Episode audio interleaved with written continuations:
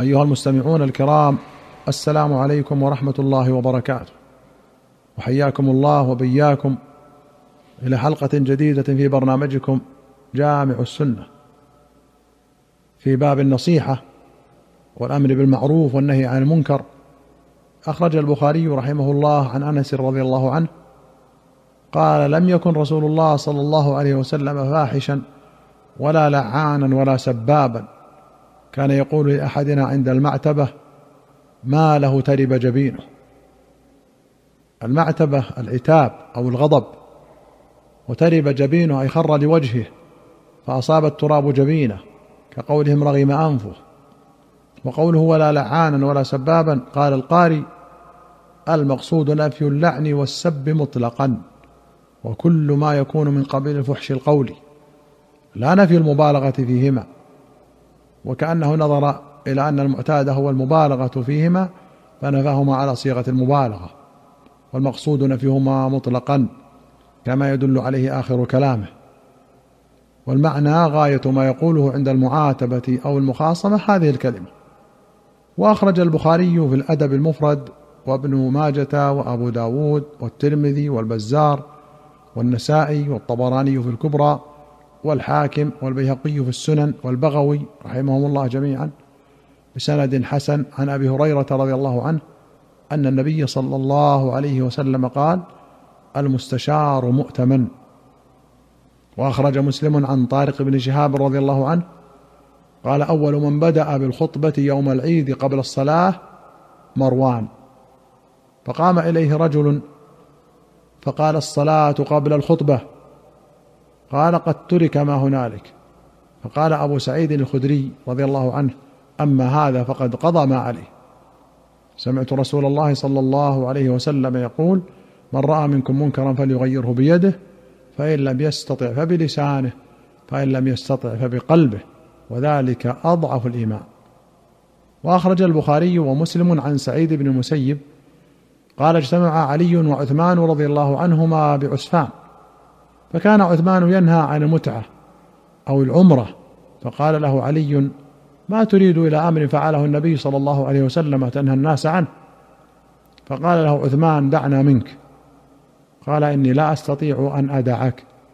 فلما رأى ذلك علي أهل بهما جميعا. وللبخاري قال مروان بن الحكم إنه شهد عثمان وعليا بين مكة والمدينة. وعثمان ينهى عن المتعة وأن يجمع بينهما. فلما رأى ذلك علي أهل بهما لبيك بعمرة وحجه فقال عثمان تراني أنهى الناس وأنت تفعله؟ فقال ما كنت لأدع سنة رسول الله صلى الله عليه وسلم لقول أحد. ولمسلم عن عبد الله بن شقيق؟ قال كان عثمان ينهى عن المتعة وكان علي يأمر بها. فقال عثمان لعلي كلمة. فقال علي لقد علمت أنا تمتعنا مع رسول الله صلى الله عليه وسلم. قال أجل ولكنا كنا خائفين. المختار أن المتعة التي نهى عنها عثمان هي التمتع المعروف في الحج. وكان عمر وعثمان رضي الله عنهما ينهيان عنها نهي تنزيه لا نهي تحريم. وأخرج مسلم عن غنيم بن قيس قال سألت سعد بن أبي وقاص عن المتعة في الحج.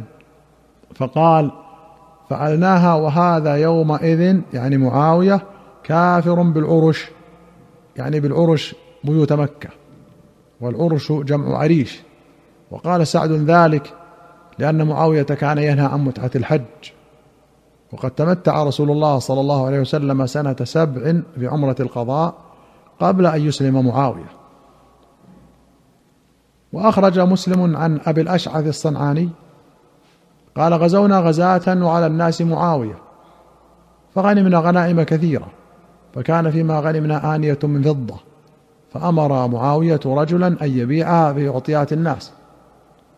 فتسارع الناس في ذلك فبلغ عبادة بن الصامت فقام فقال إني سمعت رسول الله صلى الله عليه وسلم ينهى عن بيع الذهب بالذهب والفضة بالفضة والبر بالبر والشعير بالشعير والتمر بالتمر والملح بالملح إلا سواء بسواء عينا بعين. فمن زاد أو ازداد فقد أربى فرد الناس ما أخذوا. فبالغ ذلك معاوية. فقام خطيبا. فقال ألا ما بال رجال يتحدثون عن رسول الله صلى الله عليه وسلم أحاديث؟ قد كنا نشهده ونصحبه فلم نسمعها منه. فقام عبادة بن الصامت فأعاد القصة. وقال لنحدثن بما سمعنا من رسول الله صلى الله عليه وسلم وإن كره معاوية أو قال وإن رغم ما أبالي ألا أصحبه في جنده ليلة سوداء. قوله آنية هي جمع إناء كأوعية ووعاء. وعبادة بن الصامت الأنصاري رضي الله عنه كان أحد النقباء ليلة العقبة وشهد بدرا والمشاهد كلها. وأخرج مسلم عن نافع بن جبير أن مروان بن الحكم خطب الناس فذكر مكة وأهلها وحرمتها. فناداه رافع بن خديج فقال ما لي أسمعك ذكرت مكة وأهلها وحرمتها ولم تذكر المدينة وأهلها وحرمتها. وقد حرم رسول الله صلى الله عليه وسلم ما بين لابتيها. وذلك عندنا في أديم خولاني. إن شئت أقرأتكه. فسكت مروان. ثم قال قد سمعت بعض ذلك. قوله في أديم خولاني أي مكتوب عندنا في جلد مدبوغ منسوب إلى خولان. وهي مدينة من مدن اليمن وقرية كانت بقرب الشام خربت.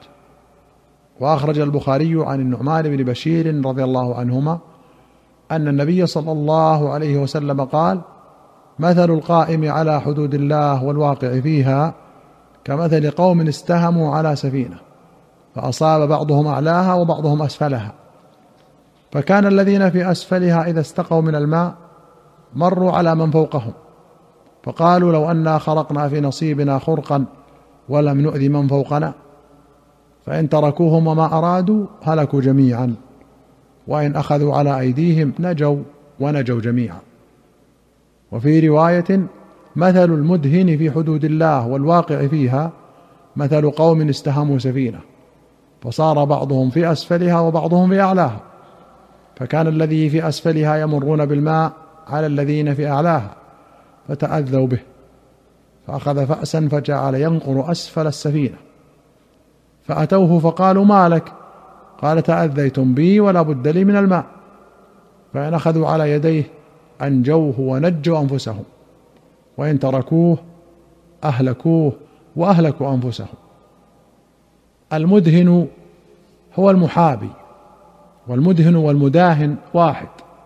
والمراد به من يرائي ويضيع الحقوق ولا يغير المنكر. قال ابن حجر وهذا يشمل الفرق الثلاث وهي الناهي عن المعصية والواقع فيها والمرائي في ذلك. وبيان وجود الفرق الثلاث في المثل المضروب أن الذين أرادوا خرق السفينة بمنزلة الواقع في حدود الله ثم من عداهم؟ إما منكر وهو القائم على حدود الله وإما ساكت وهو المدهن. قال المهلب وغيره في هذا الحديث تعذيب العامة بذنب الخاصة. أيها المستمعون الكرام إلى هنا نأتي إلى نهاية هذه الحلقة. حتى نلقاكم في حلقة قادمة إن شاء الله. نستودعكم الله. والسلام عليكم ورحمة الله وبركاته.